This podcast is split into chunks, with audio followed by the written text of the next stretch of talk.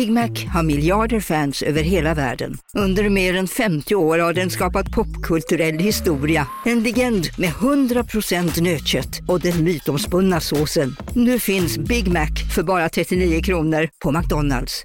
Hej, Susanne Axel här. När du gör som jag och listar dig på en av Krys vårdcentraler får du en fast läkarkontakt som kan din sjukdomshistoria. Du får träffa erfarna specialister, tillgång till lättakuten och så kan du chatta med vårdpersonalen. Så gör ditt viktigaste val idag, listar dig hos Kry. Hej, Synoptik här. Livet med glasögon ska vara bekymmersfritt. Därför får du 30% på alla glasögon när du väljer Synoptik All Inclusive. All service ingår alltid. Välkommen till Synoptik.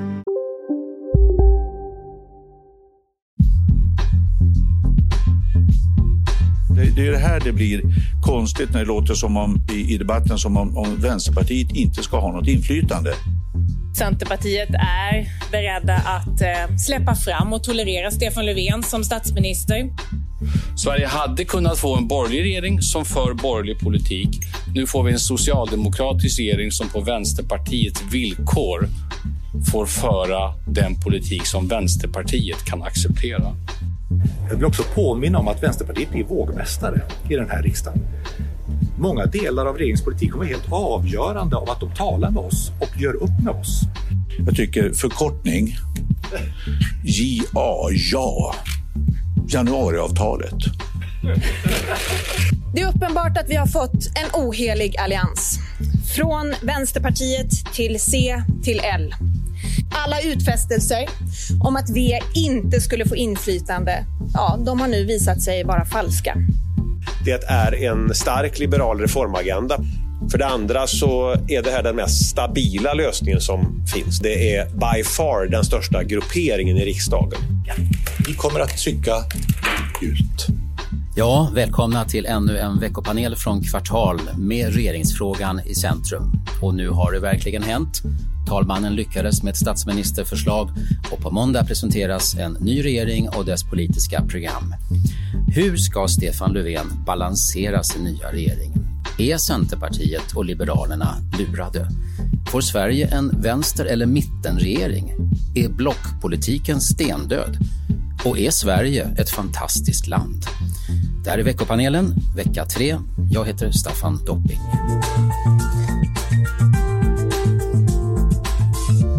Och i panelen idag Marika Lindgren Åsbrink, utredare på LO och i det socialdemokratiska lägret. Kerstin Brunnberg, tidigare radiochef och mycket annat, i det neutrala lägret gissar jag. Och Fredrik Hage, politisk chefredaktör på Smålandsposten i det konservativa lägret. Välkomna. Tack. Tack, Tack så mycket. 115 ja, 153 nej, 77 avstår. Eftersom mindre än hälften av riksdagens ledamöter har röstat nej har kammaren godkänt förslaget att utse Stefan Löfven till statsminister. Nu fick Sverige en regering, i alla fall en statsminister, 131 dagar efter valdagen efter en maratonföljetong. Hur ska det gå för Stefan Löfven att regera Sverige? Fredrik Hage.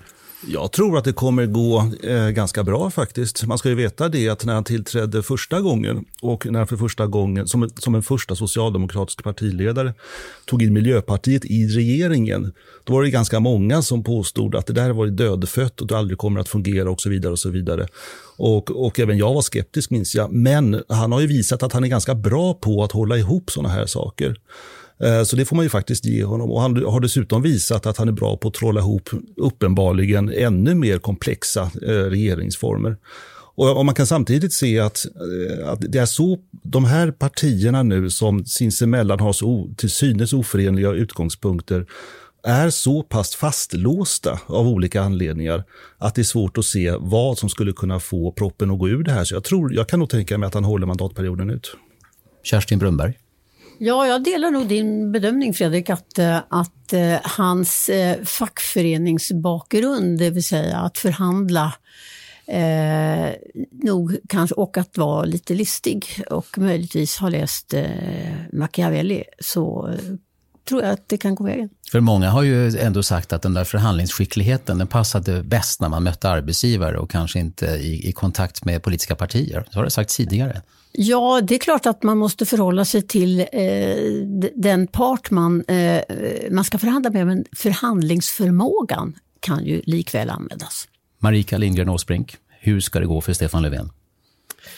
Eh, jag, tror, jag håller med om mycket av det som har sagts tidigare, men det kommer ju vara svårt, oavsett vem det handlar om, så är det ett väldigt svårt politiskt läge och ett väldigt ovant läge för eh, alltså för Sverige och för svenska partier.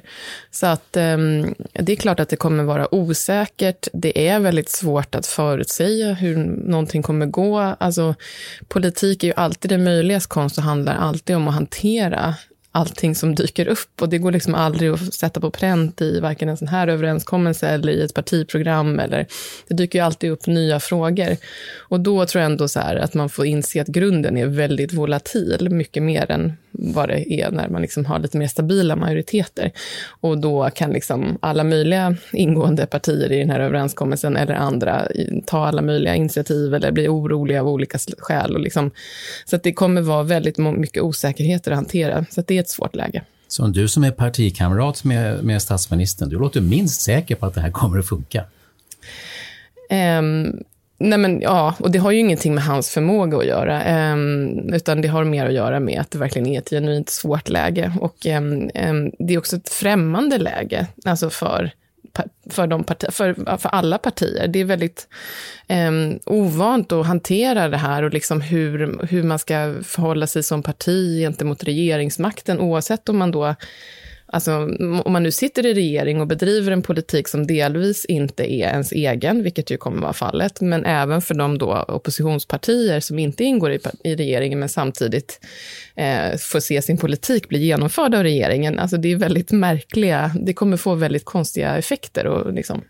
Jag tror att det är viktigt eh, att ha med sig, eh, om jag nu får dela ut något, något råd, just att väga sina ord på, på guldvåg eh, när det gäller hur man formulerar sig i, det här, eh, i, i, i, den natur som man ska röra sig där. Och där, där jag tror att det är, otro, det är som att röra sig lite på nattgammal is. Mm. Tror jag. Var sätter man ner foten? Så den där rutinen på att leda en regering med miljöpartister också eh, och eh, Vänsterpartiet med en, med en speciell supportroll, det har man inte någon större nytta av nu för det är helt nya förutsättningar. Ska jag tolka det så, Marika? Det tror jag absolut att man har lärt sig mycket av. Eh, så man kommer ha, eh, alltså man har erfarenhet av det och det kommer funka eh, bra. Men eh, det är ändå en ny spelplan också jämfört med förra mandatperioden. Och så var det det här med Vänsterpartiets roll då. Den mening i överenskommelsen som har kallats för en förnedringsklausul hos en del. Eh, denna överenskommelse innebär att Vänsterpartiet inte kommer att ha inflytande över den politiska inriktningen i Sverige under den kommande mandatperioden.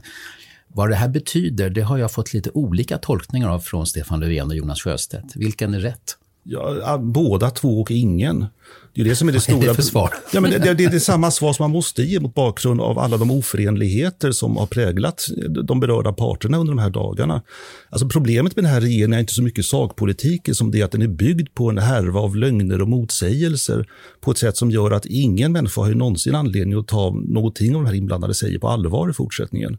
Det enda, det enda som de här har velat få till stånd, det är just den här konstruktionen. Men det blir till priset av att förtroendet för, att poli, förtroendet för politiker och politiken minskar i Sverige. Och det är, ett, det är ett ganska allvarligt demokratiskt underskott för den här regeringen tycker jag. Det är inte bara det att det, det finns en, att vi har en vänsterregering i en situation när högerkantringen bland väljarna är största sedan 91. Det är också det här sättet på det, sättet det, det den har tillkommit på. Det är ganska allvarliga frågor om hur svensk politik egentligen fungerar. Gör det, fungerar den som den ska överhuvudtaget? Det är väl just den här typen av formuleringar som gör att det kan eh, gå åt pipan. Eh, därför att den, eh, man väljer att tolka den olika.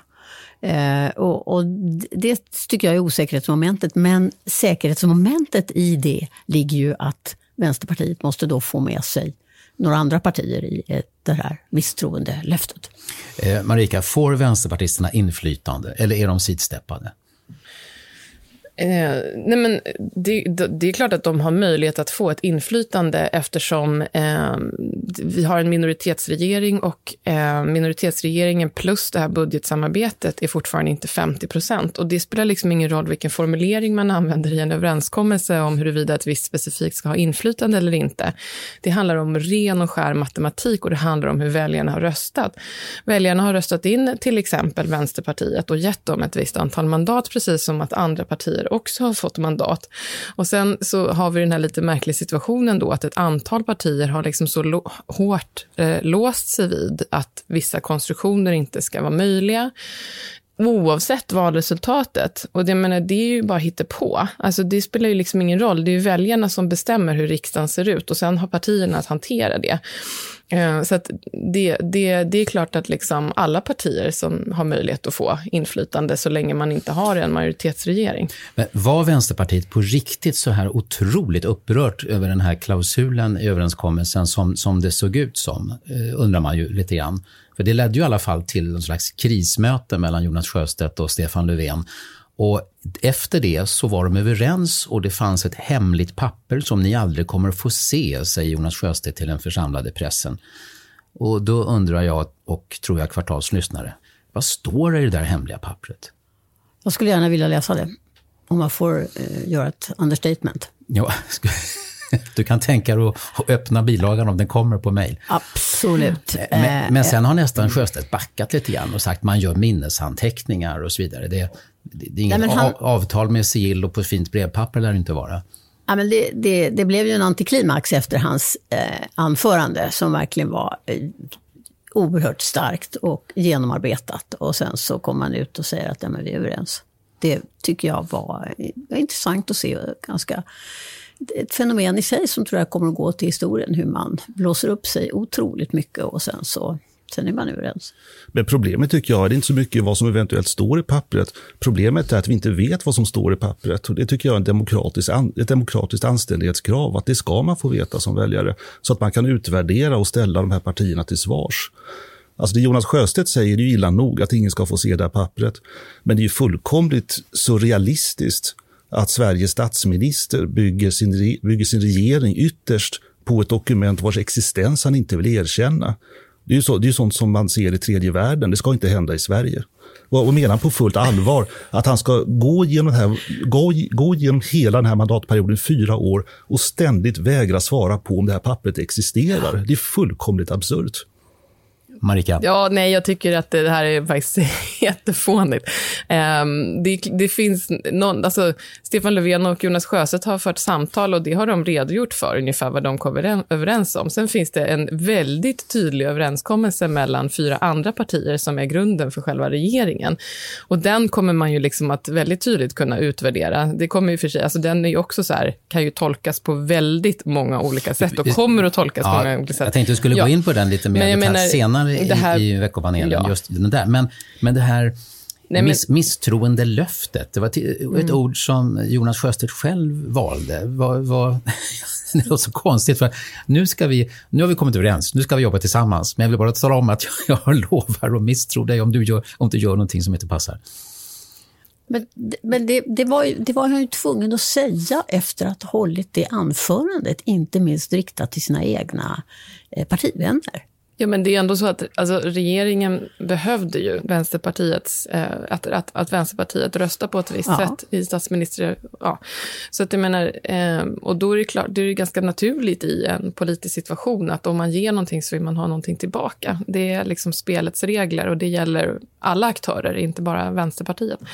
Eh, så att det, det är precis det vi ser, det är inget konstigt. Nu anser ju både Ulf Kristersson och Ebba Busch Thor uppenbarligen att eh, det, det, det här klausulen är helt meningslös. Nu vet vi ungefär att Vänsterpartiet kommer att få inflytande och sådär.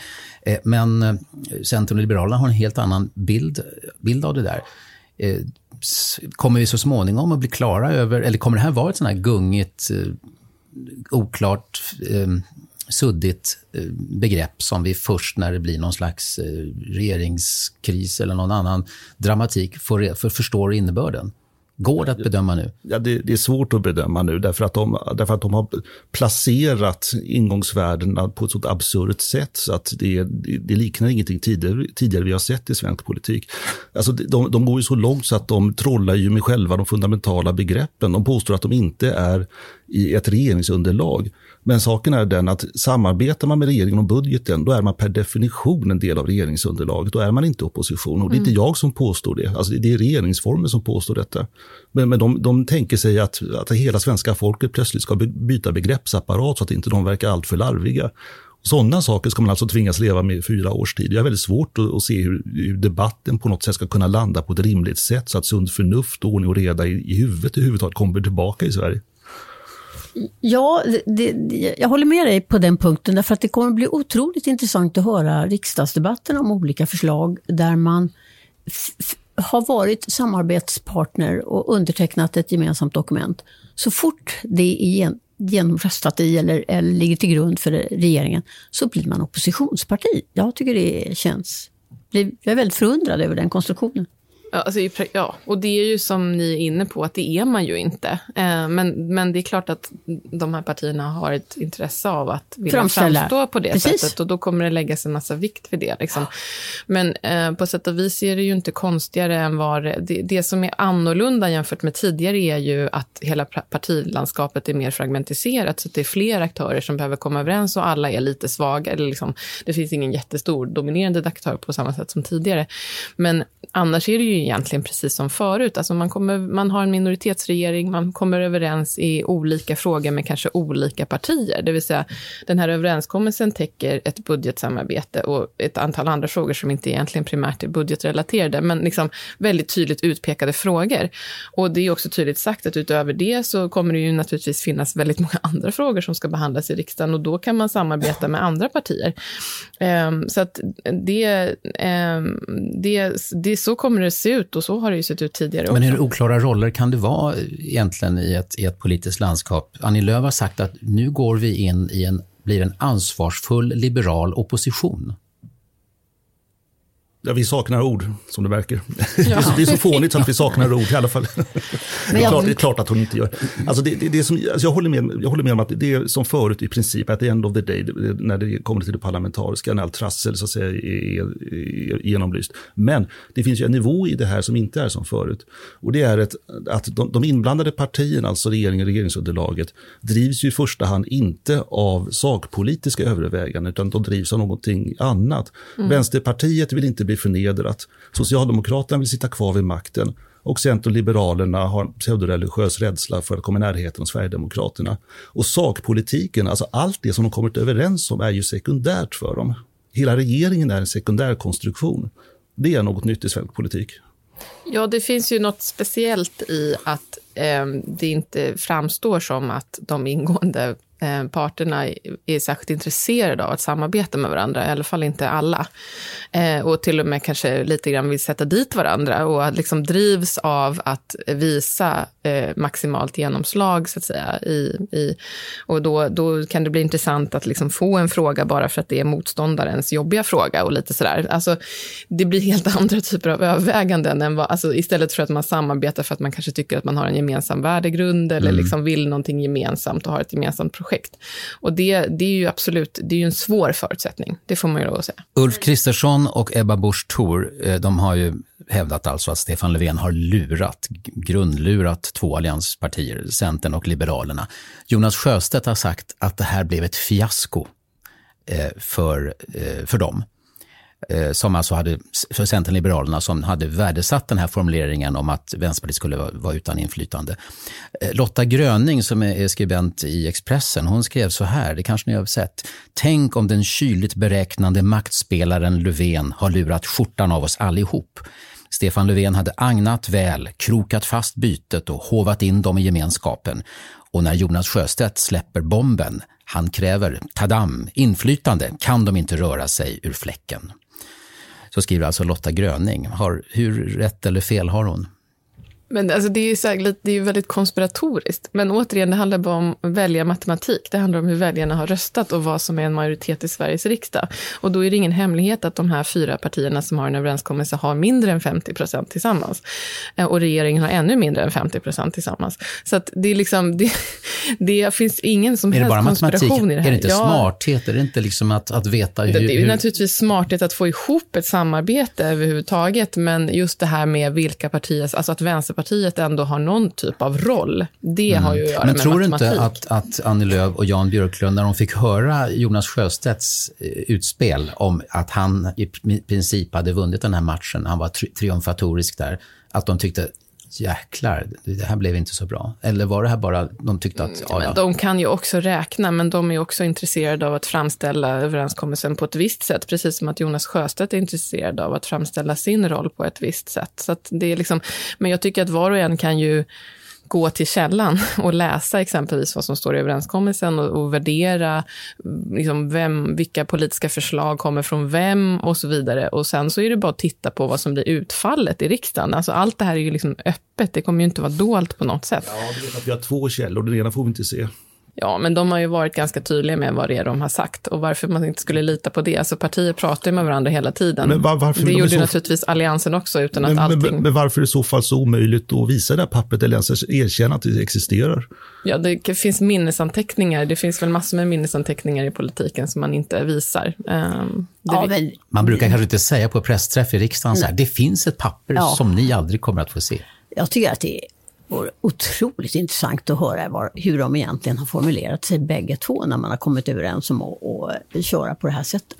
Det du tror att det kommer att läcka eller släppas ja, det hoppas så Jag verkligen, det hoppas jag verkligen. Annars att, kommer en massa äh, jobbiga journalister att tjata om det här Ja, men jag hoppas att, att, att, uh, journalisterna gör sitt jobb i, i det fall. Och, och för övrigt så, så tycker jag att det som har hänt nu tycker jag är oerhört intressant. Och jag hoppas att det ska leda till att intresset för politik ökar i det här landet bland medborgarna att följa det här.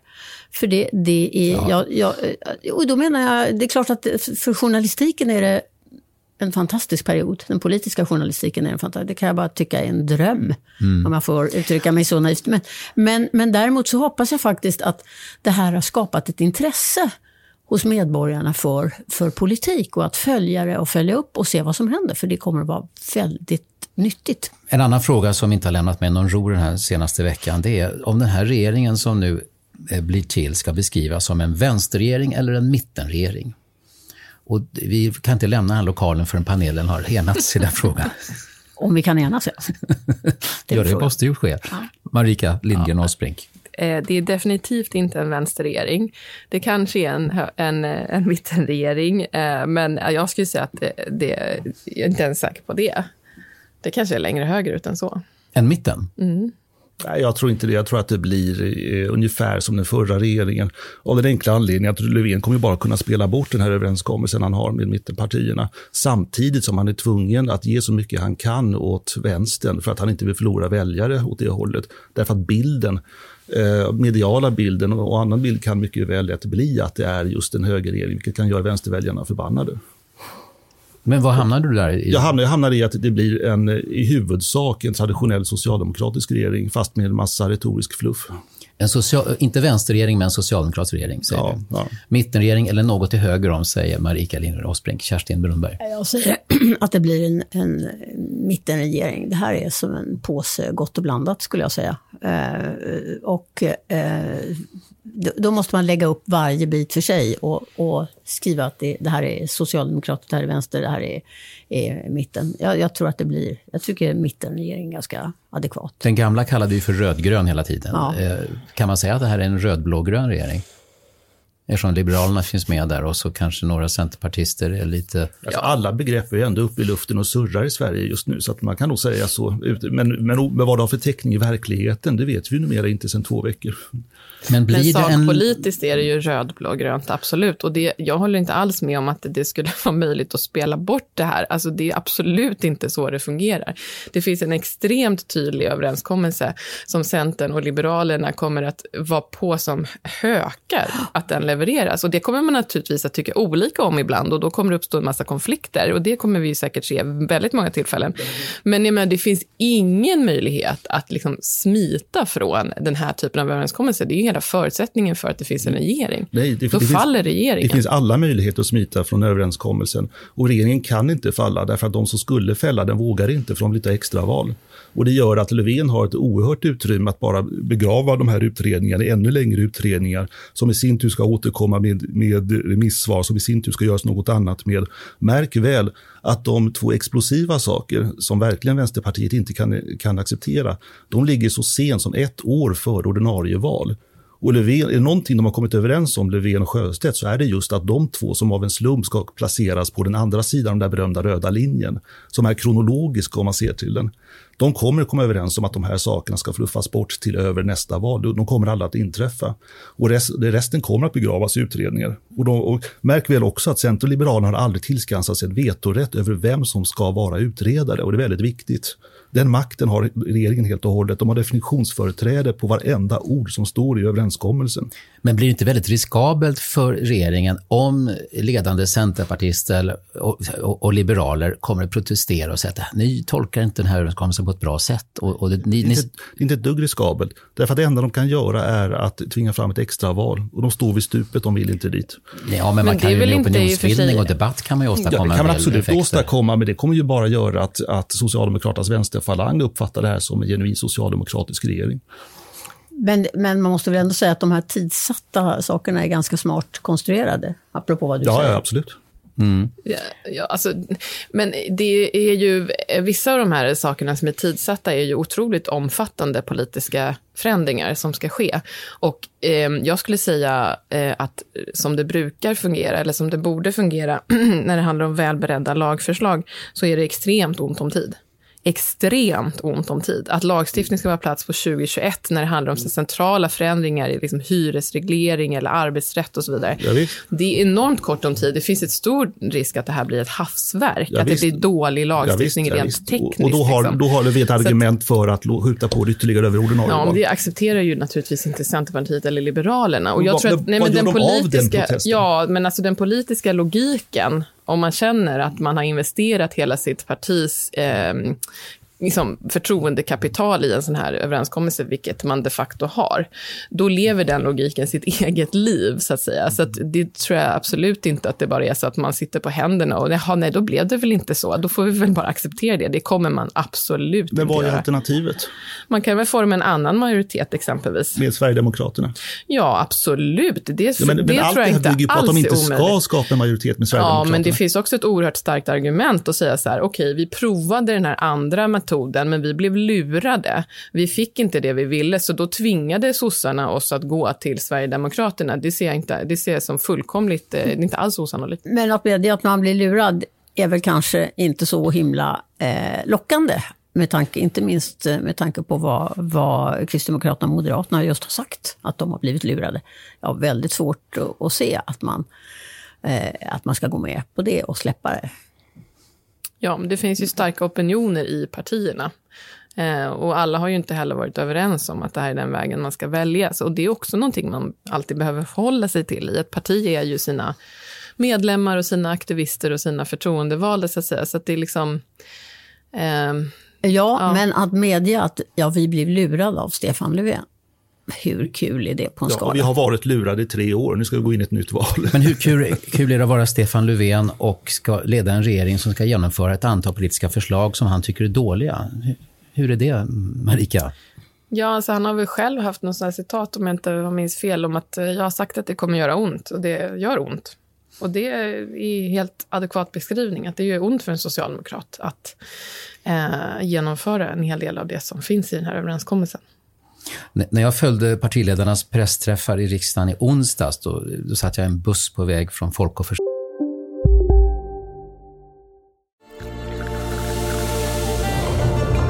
Välkommen till Maccafé på utvalda McDonalds restauranger med Baristakaffe till rimligt pris. Vad sägs om en latte eller cappuccino för bara 35 kronor? Alltid gjorda av våra utbildade baristor.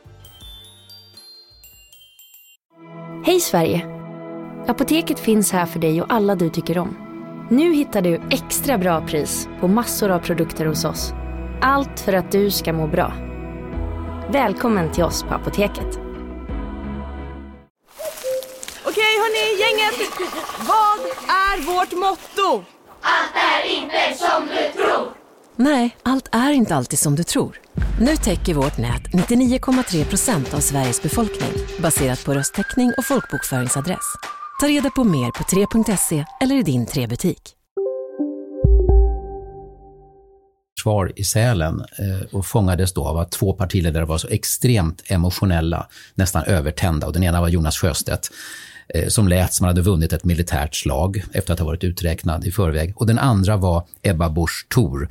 Denna tilläggsöverenskommelse som Jonas Sjöstedt idag har eh, offentliggjort tycks nu finnas med Vänsterpartiet och innebär att antingen så har C och L blivit grundlurade eller så har man lurat sina egna medlemmar.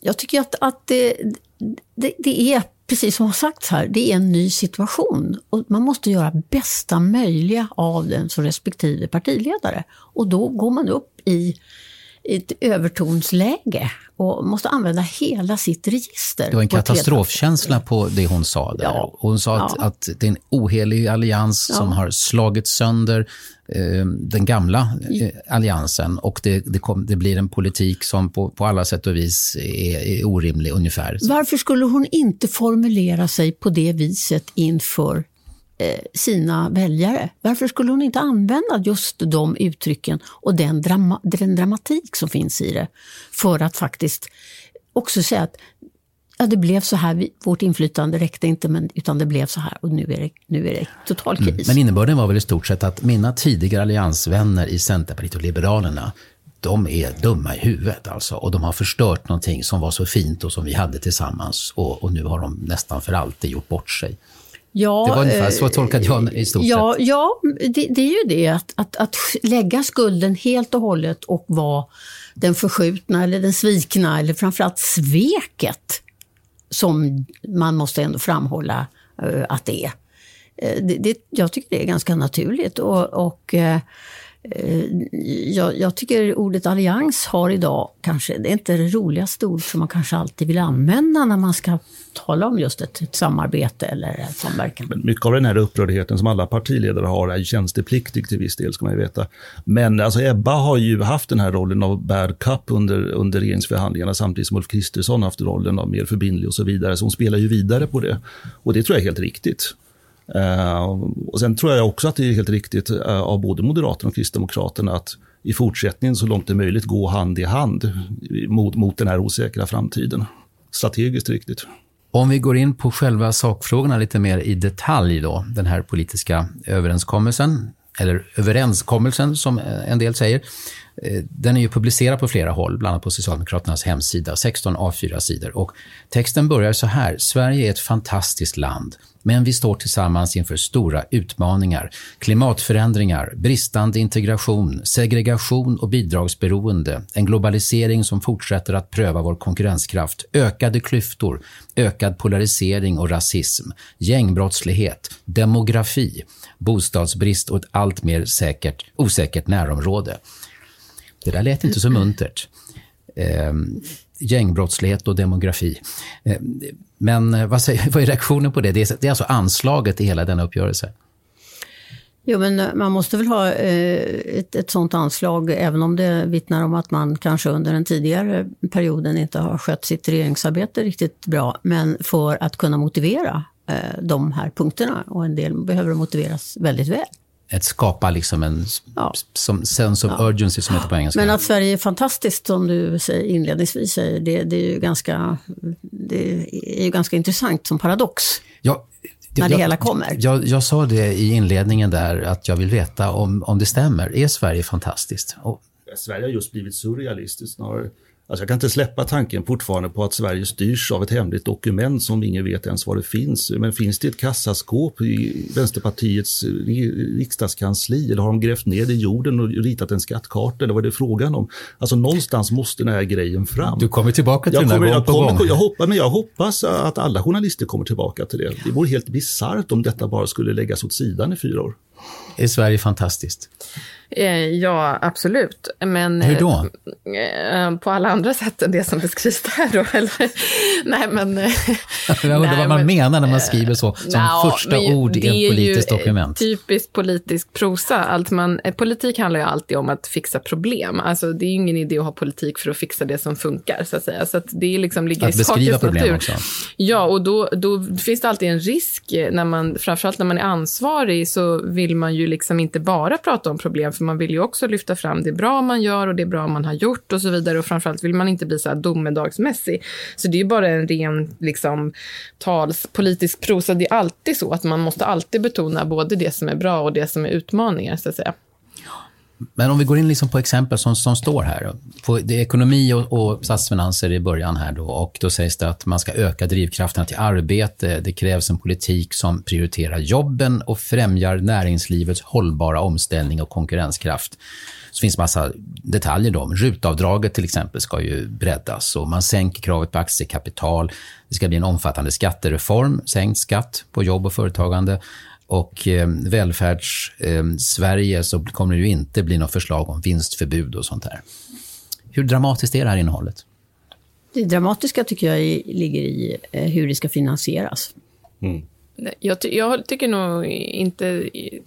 Jag tycker nog att det finns eh, potentiellt dramatiska som strukturreformer. Eh, sen återstår det att se hur de blir, så att säga. Men de är ju väldigt tydligt inskrivna vad gäller exempelvis hyres, eh, hyressättningen och eh, arbetsrätten, inte minst. Eh, så att det, och det är inte egentligen primärt liksom utgiftsrelaterade frågor, utan det är ju en annan typ av strukturreformer.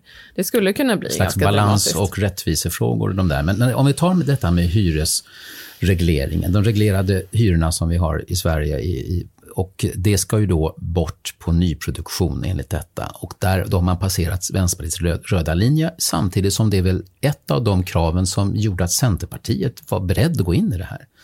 Så eh, vad, kom, vad kommer det gå i just den frågan om friare hyressättning eller marknadshyror som kritikerna brukar kalla samma sak för? Det kommer snurras runt i en utredning som kommer landa så pass nära valet att alla inblandade kommer kunna känna en anledning till att fluffa bort det för allas bästa. Det, så, det, kommer inte att inträffa. Misstrogen om att... Jag är det- mycket att- misstrogen. Nej, men, eh, men det är ju de två punkterna, Marika, som är, som är dramatiska utav de 73. 71 punkter är ju eh, mindre dramatiska, eh, kan jag tycka. Eh, Till tågen ska gå i tid och eh, lite annat. det var inte Eh, kanske den eh, värsta nej. i, i Men- någons ögon. Men nej. Sverige är det nästan dramatiskt att säga så Ja, numera. ja. Men, Ja, men, men, eh, men till, till, den relevanta frågan, hur, hur ska det gå med de där? eh, Men, men nu är bostadspolitik och bostadsfrågor en ganska komplex eh, materia med många olika ingångar och lösningar i det.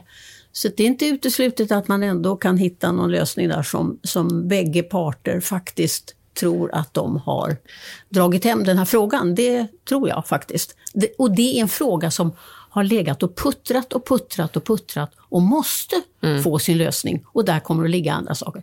Det mest intressanta på, när det gäller den delen är faktiskt att det står att man ska ha ett barnperspektiv på stadsbyggnad och på, det tycker jag är det bästa i hela den här eh, uppgörelsen. Nej, men jag tycker, alltså, båda de här frågorna, eh, eh det finns ju skäl att liksom, se över dem. Alltså, eh, vad gäller hyres, eh, hyresrättens, alltså det finns ju olika typer av skevheter.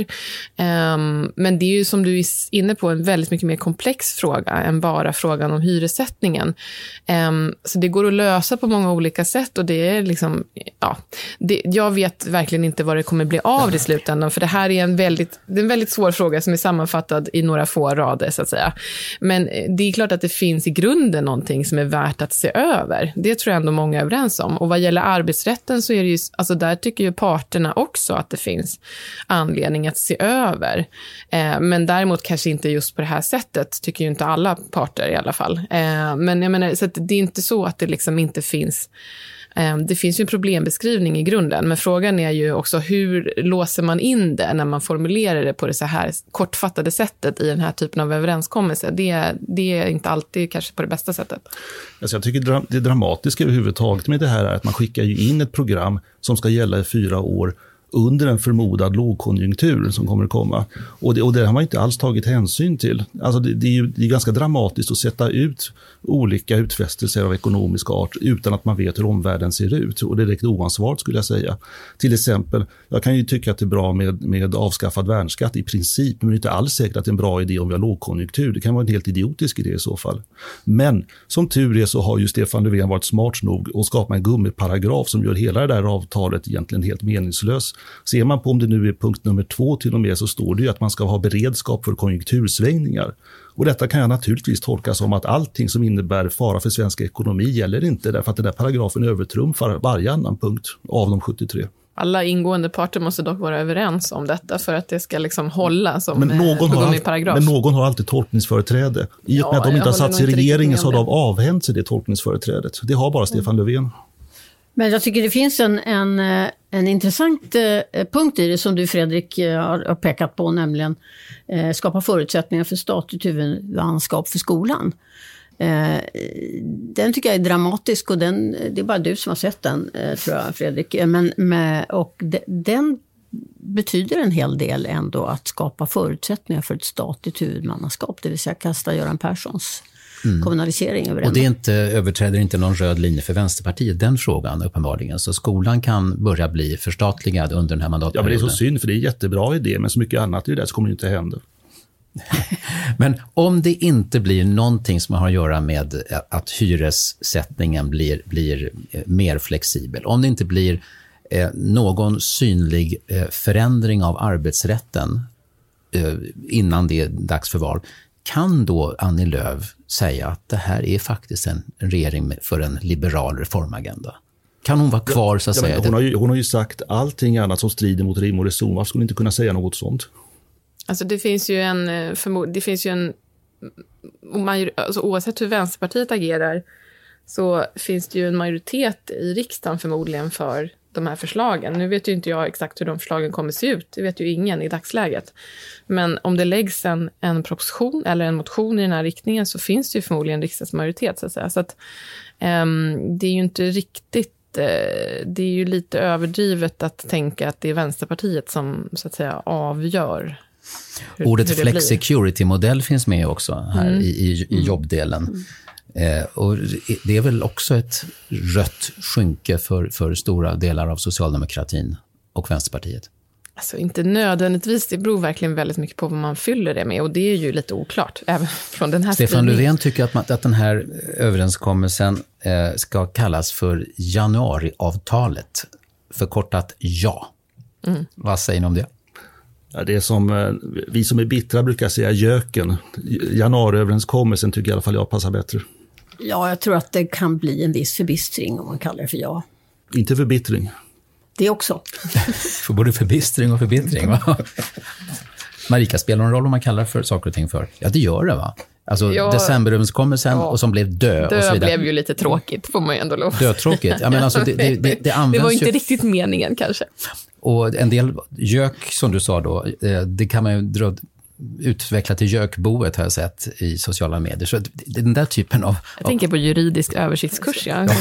ja. det är ju inte heller speciellt kul, den, eller hur? Nej, förkortningen är redan tagen. Ja. ja. Eh, hela landet ska växa, värna och stärkt den privata äganderätten till skogen. Sverige ska gå före på klimat och miljöområdet. Eh, Miljöpartiet har fått en del också i den överenskommelsen. Språkkrav för medborgarskap. Ja, notera tidsutfästelsen. Eh, vad, och vilken var det? Ingen alls. ja, vad, tro, vad tror eh, Kerstin Brunnberg och Marika Lindgren Åsbrink? Eh, kan det vara så att, att konkreta eh, beskrivningar av, av reformer här ändå inte genomförs därför att de, det är så vagt i, i pappret? Marika säger ju, eh, talar om eh, risken för havsverk och att det är ganska kort om tid och det är ju, de 73 punkterna är alla ganska eh, stora mm. områden. Mm. Eh, och ett av de största områdena och kanske viktigaste, det är ändå eh, där förra regeringen och den regering som, ja, förra och förrförra ändå har, tycker jag, varit riktigt usla. Det är digitaliseringen. Där man fortfarande inte har kommit särskilt långt, tycker jag, att, att se hur den ska förändra Sverige. Bör, eh, bör, där hela digitaliseringsfrågan, det vill säga med vilka har tillgång, det är snack om ojämlikhet. Mm. Vad, nu kommer det ju en, en ministerlista sannolikt på måndag i samband med regeringsförklaringen. Och nu vet vi några ministrar som, som försvinner iväg på annat och så vidare. Låt oss spekulera eller diskutera vilken betydelse det har vem som till exempel kommer att bli bostadsminister om Peter Eriksson inte får förnyat förtroende. Ska det vara en person som verkligen vet vad den vill eller, eller ska den till och med vara en nackdel i det här läget? Att ha människor som är profilerade på just de här känsliga områdena. Jag tycker de ska fråga Mats Segfors. Om, det, om, att, om, om vad då? Han kan den frågan. Ja. Han Väldigt kan. väl. Ja, han ja. har jobbat i bostadsdepartementet dessutom på den tiden. Han, han kunde leda Sveriges Radio och nu kan han leda bostadsdepartementet. Utmärkt eh, ministerperson, skulle jag säga. Men eh, eh, i den frågan. Sen finns det andra namn. Ja, man ska väl se som ofta till kremlologi snarare än kompetens när det kommer till statsråd. Så jag tror att Ygeman kommer säkert tillbaka. För han, han vill väl säkert Löfven ha, både av prestigeskäl och av andra skäl centralt eh, i partiet så högt upp som möjligt. Sen är jag rädd för att det blir en väldigt vänsterdriven kulturminister. Därför att vänstern, till skillnad från högern, förstår ju hur viktigt det är med kultur och den opinionsbildning och inflytande över tankeklimatet som kommer av kulturen. Och där kan jag tänka mig att Löfven av strategiska skäl vill sätta någon som öser pengar över semisocialistiska föreningar och organisationer för att hålla den radikala vänstern på gott humör under det att vi nu har en förment mittenregering. Alltså, jag tror för det första att man ska se till att det blir ett utbildnings och eh, kultur och mediedepartement. Det vill säga att man får en stor, en stor budget att röra sig med eftersom de här eh, ämnena ändå... Kan man slå ihop områdena. skola och kultur? Och, ja, men det har man ju haft förut. Det har haft förut. Jag, ja, men alltså samma Departement, ja. ja var ecklesiastikdepartementet. Ja, precis. Men kyrkan är borta? Mm. Men, men högre utbildning, oerhört strategiskt med, med både forskning, högre utbildning, kvaliteten på universiteten utan, och samtidigt oberoende. Skolan, jättestrategiskt. konst och kultur, mediefrågor. Alltså, det, det bör ligga hos en, en minister som får eh, verktyg och som blir en verklig framtidsminister. Marika, vad säger du om Anders Ygeman? Är han på väg tillbaka till regeringen? Alltså, jag vågar inte spekulera någonting sånt här. Det har mig, jag har ingen aning, verkligen. Eh, men eh, det blir ju en... Eh, jag tänker att alltså, det är alltid ett pussel att eh, sätta ihop en regering, men jag tänker att det blir ju en annan situation. Det blir ytterligare en dimension när man har den här konstruktionen att man så att säga, bedriver politik som eh, många partier är inblandade i, även de som inte ingår i regeringen. Mm. Alltså, att, att liksom, det finns ju vissa ministerposter som kommer vara mindre tacksamma för en socialdemokrat eller en miljöpartist att liksom sitta på.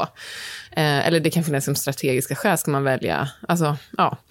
Eh, så att det, det, ja, det blir väl ytterligare en, en, en dimension i ett väldigt svårt pussel, så att säga. Men ja, det vore kul tycker jag om Hadzialic, när jag nu tänker på det, kommer tillbaka. Då får man ju faktiskt riktigt vettig. Det var väldigt synd att hon hade någon halv promille för mycket i kroppen över bron. Hon och Anna Ekström skulle ta hand om det här framtidsdepartementet, i min uppfattning. Eh, när det handlar om skolan så står det också i, som punkt nummer 49, då, förbättra kunskaperna i skolan.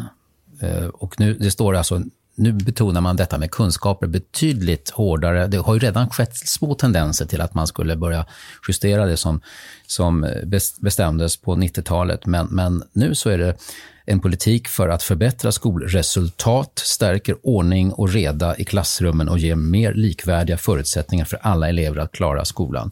Hur stor förändring i politiken måste det bli för att det här ska bli verklighet? Ja. Är det svårt för ett socialdemokratiskt hjärta att göra det här? Eller, eller är man tacksam för ja, att, att regeringsbildningen har nästan absolut tvingat... inte. Nej, men det, jag tycker att det, överenskommelsen är ju bra på många punkter, men jag uppfattar inte att det är speciellt ideologiskt särskiljande. Eh, jag tror att den här debatten om liksom, den, inte vet jag, den postmoderna liksom, inriktningen på dagens skola är väldigt överdriven eh, och har ganska lite med verkligheten att göra. Eh, och eh, det är väl självklart att man ska lära sig kunskap i skolan. Det är väl helt självklart. Jag kan inte se hur detta är liksom Problemet ideologi, är att, ideologiskt jo, alltså, skiljande. Det är, du har rätt i det tycker jag, att, att det är inte längre så ideologiskt särskiljande. Alla är överens om att det ska vara kunskap och så vidare. Problemet är ju att i själva branschen så är det inte alls självklart. Alltså Sverige är proppfullt av pedagoger som anser att man ska leka sig till kunskap och att man inte får vara auktoritär och så vidare. och så vidare. Det är det som gör att vi har fallit i, i mätningarna. Och det har ju det har ju Björklund visat, för det här har han faktiskt försökt under sina år som skolminister, att det är väldigt svårt att vända på den skutan. Han har haft i princip hela det professionella lärarsverige emot sig. Och det, och det, det, det problemet kvarstår ju. Men, och där har du rätt att, att det, det ligger ett stort ansvar på, för, på professionen i, i det här fallet. Men eh, jag vill nog ändå påstå som gammal skolreporter att eh, om man går tillbaka till socialdemokratins början så har och var Bengt Göransson eh, som skolminister. Alltså det, att, att lära sig någonting, det är ganska, då måste man jobba. Mm. Apropå det så står det som punkt 57 här, ett etableringsstopp införs för fristående grund och gymnasieskolor med konfessionell inriktning. Eh, befintliga skolor med konfessionell inriktning ska kontrolleras bättre. Där finns det väl kanske en liten komplikation, nämligen att det finns eh, religiösa friskolor som inte definieras som konfessionella. Så att eh, det här uppfattar inte jag som alldeles glasklart vad det betyder. Nej, du har nog rätt i det. Apropå hur, hur, hur, tydligt är det som står i det här mm. pappret och vad finns det för tolkningsmöjligheter? Mm. Jo, men det ser man. Man behöver bara gå till den debatt som fördes för nästan exakt år sedan, ett år sedan kring den här frågan om de konfessionella mm. skolorna. Eh, svarade du, Kerstin, på frågan om huruvida Sverige är fantastiskt?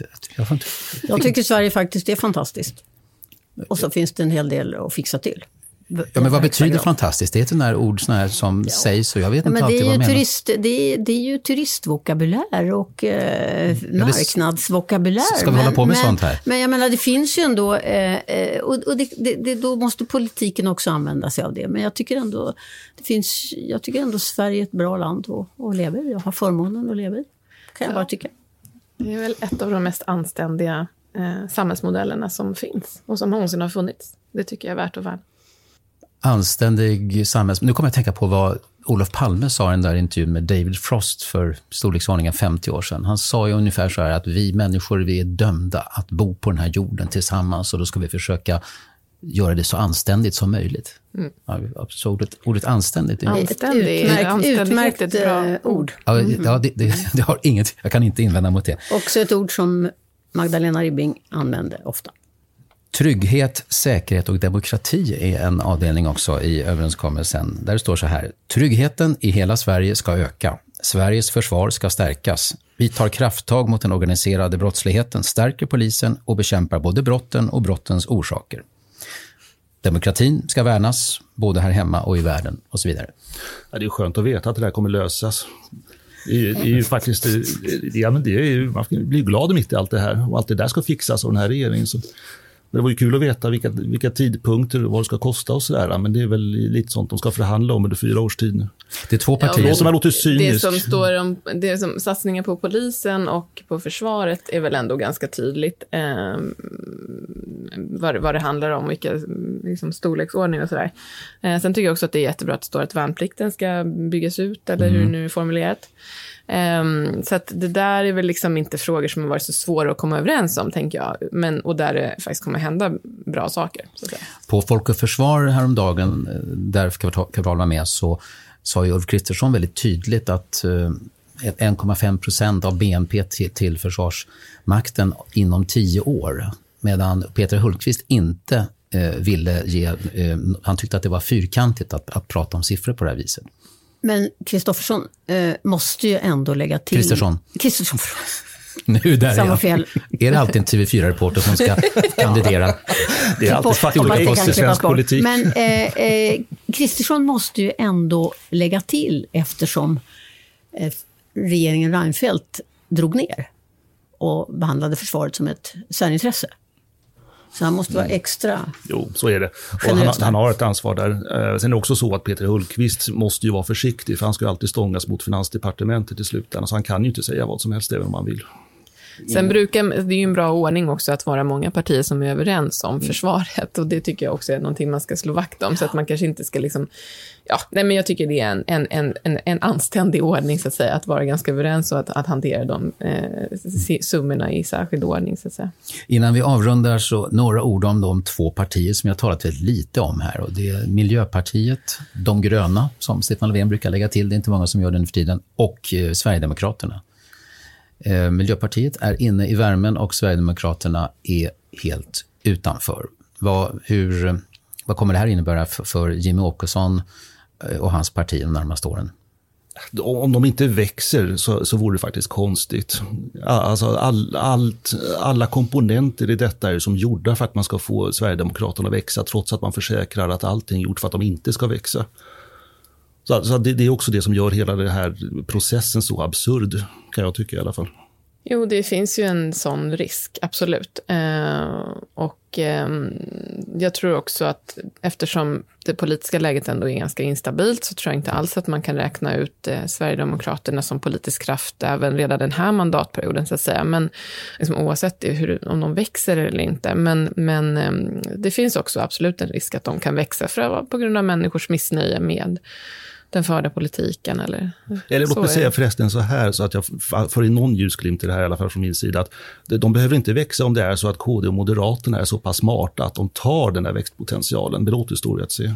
Ja, det är väl det som, precis det det handlar om, om, om man, man går dit istället. Men eh, jag tror också att det finns en, en uppenbar risk. Om vi sammanfattar vad det är för regering som Sverige har fått och hur Sverige har, har påverkas av den här fyra månader långa osäkerheten? Gör ett försök, eh, panelen. Ja, men jag tycker det här med en röd-blå-grön regering, det var väl ganska bra. Som inte, och det blir inte en vänsterregering. Där tyckte jag att, att vi var överens om att det blir det inte i alla fall. Mm. Jag tycker man kan kalla det för det osynliga papprets regering. Det är som ett Tintin-äventyr. jag, alla goda eh, namn eller uttryck är ju tagna redan, men, eh, men jag tycker ändå att det, det, är en grundkurs i politik som vi har framför oss. Mm.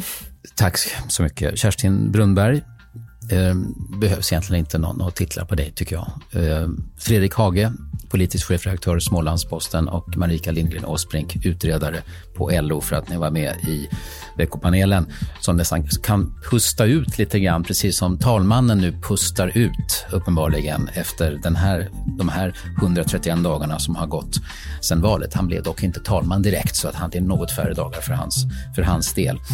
Eh, ja, vi Eh, Kvartal bjöd ju på lite extra material häromdagen när vi var med på rikskonferensen Folk och Försvar i Sälen och inte mindre än två fredagsintervjun special och en extra veckopanel om säkerhet och försvarsfrågor. Ta gärna en lyssning på dem också. Eh, vi har eh, idag, eh, på fredagen så har vi publicerat fredagsintervjun med chefen för Säpo, Claes Friberg. Den ska man också lyssna på. Så vi är alltså tillbaka i normala gängor nu. Ny fredagsintervju nästa vecka. Veckopanelen som vanligt på lördagar senast klockan nio. Ha en angenäm helg och kolla Kvartals kanal.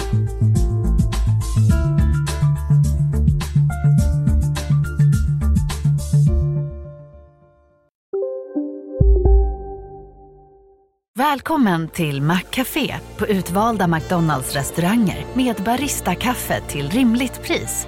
Vad sägs om en latte eller cappuccino för bara 35 kronor? Alltid gjorda av våra utbildade baristor. Ni är med om det största. Och det största är den minsta. Ni minns de första ögonblicken. Och den där blicken gör er starkare. Så starka att ni är ömtåliga. Men hittar trygghet i Sveriges populäraste barnförsäkring. Trygg Hansa. Trygghet för livet.